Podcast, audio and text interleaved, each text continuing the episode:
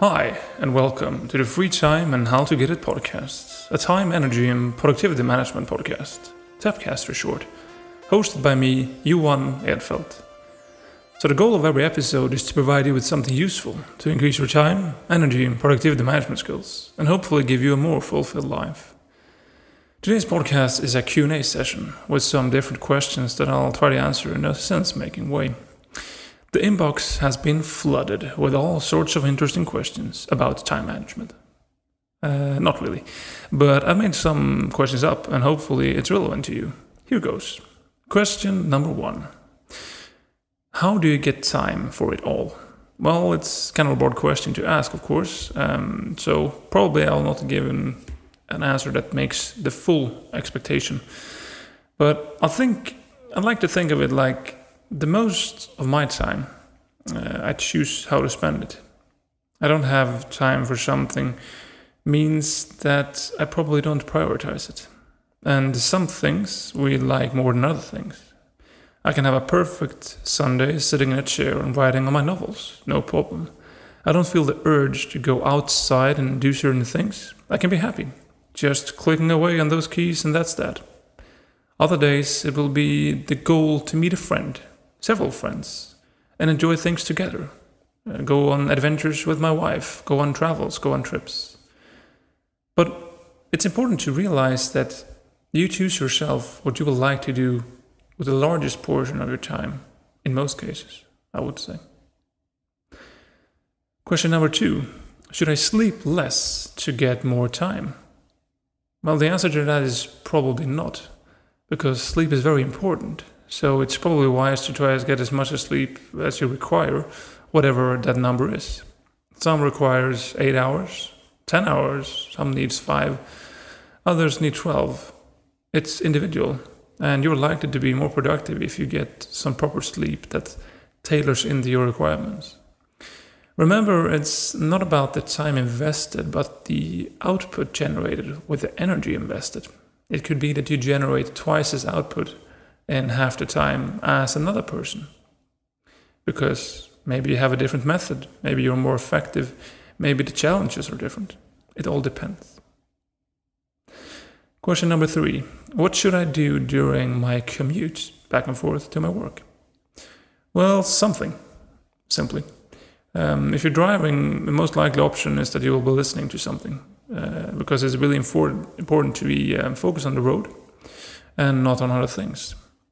There are plenty of podcasts, audiobooks, etc., that can refresh your brain and really change your mindset around certain things and subjects. Why not try something outside your normal listening pattern? Could be a biography about an eccentric person or a management book about how to manage teams in the most effective ways. There are so many things and plenty of excellent podcasts, not least from the Swedish radio, if you understand Swedish, of course. Question number four what should I use my time on? Your passion, of course.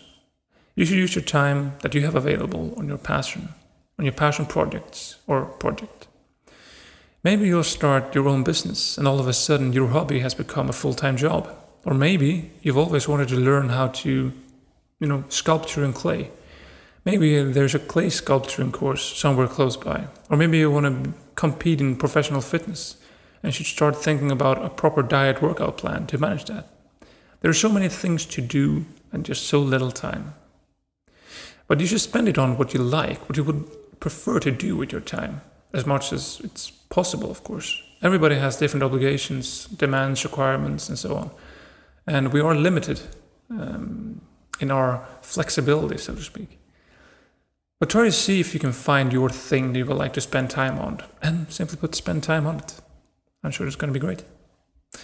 Question number five I never have time to work out.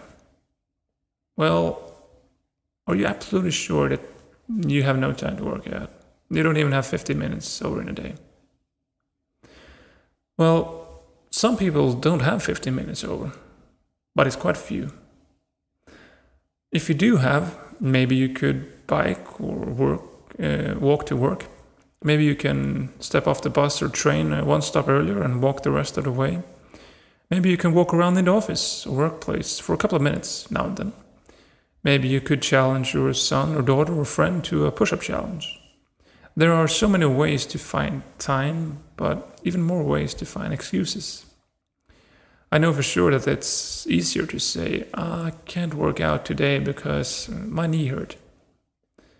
Well, okay, if your knee hurt, you should probably not exercise with certain exercise that affects your knee. But how about the rest of the body? Maybe you can do some crunches. Maybe you can do some upper body strength. I'm pretty sure most of us actually do have some time over for some sort of exercise, and it will really pay off in the long term. I guarantee it. Number six, how can I unclog my calendar? Well, this is a good question. You know, work calendars, they seems to fill up with a lot of stuff. The higher up you get, many times the more full they get, most likely. And there's no easy way to unclog them and lean treat them, if you will. Well, it sounds easy, but the thing is, something you could already do today. Private appointments, meetings with yourself, can help you at least get your lunch in peace and leave when you can. Other things that could be the um, meetings in general that you attend.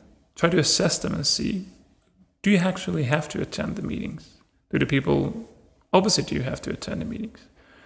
Or are there some meetings that you can just continue to go on without adding anything of value? There could be meetings that should be, let's say, 15 minutes instead of 55 minutes. Maybe some of the meetings that you go to, you don't add any value to them. Then why are you there? Is it only for information purposes? Okay, makes sense. You should be there and, be informed. But there could be alternations of meetings that you could change to kind of free up some time in your calendar for, simply put, actual work. Should some meetings be replaced by status updates via email? I mean, there might be meetings which is specifically to inform. There will be no decisions made how about writing a five bullet email and sending that out instead of, of having half an hour, 45 minutes of a meeting? There are many ways to reduce the cloud calendar, and it's important for you to get time alone and focus on your task. So you have something that could bring something that you can bring with you to the meeting itself. Question number seven I only read emails all day long. Well, emails are excellent tools for distributing information rapidly to a lot of people. They are not so good at depicting feelings or having a discussion on. However, many do try the latter and keep explaining their emails instead of keeping them short and sweet. You could try to only answer emails at two occasions a day. Note that for many emails are to be responded within 24 to 48 hours, not within 15 minutes like many people seem to think. If it's very important, pick up the phone and call the person. Call them over Skype. Go over to the desk and have a chat with them. You can solve a lot of problems just going over to them. Sometimes it's better to, to wait because it might not really be that the email is sent, it's actually directed to you. Use the to and, and CC uh, terms to highlight whom you're actually contacting. Use bullet point to keep emails just a couple of rows if possible if if you can seem to formulate an email with these boundaries, uh, it's great. Otherwise, like I said, pick up the phone, give the person a call, go over there and just have a chat with them, see if that could solve things out. Question number eight. I just watch television all night long. Well, how about you shut off the TV? Or just unplug it just a one day?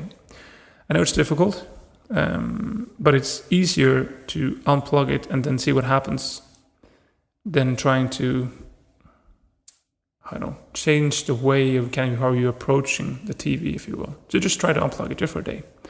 Grab a pen and paper and have a think about what you would like to do instead of watching TV. I mean, watching TV is not necessarily a bad thing. Uh, it can be very relaxing after a long day, struggling challenges work or with the family. But it's also easy to get lost in basically crappy shows that don't really give you anything in return. So see if you can take one night a week when you look at the television, see if you can look at something that is not a general series, if you will. Maybe it's a documentary, maybe it's something that challenges your mind to do something different.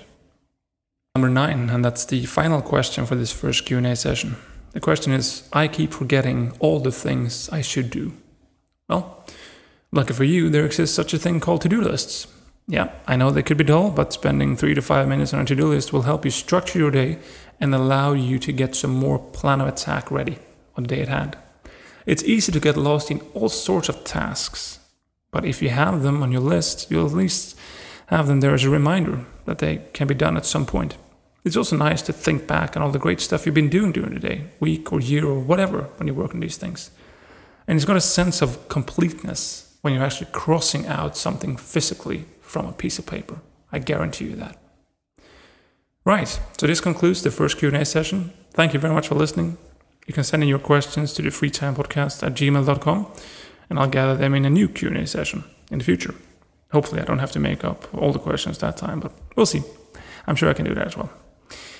Be sure to check out all my other products on johanedfeldt.com. Comment on my free time podcast page on Facebook. Listen to my music on Spotify. I do need some more listeners, please. Try out my finance management tool for your household economics, and why not read a poem or two?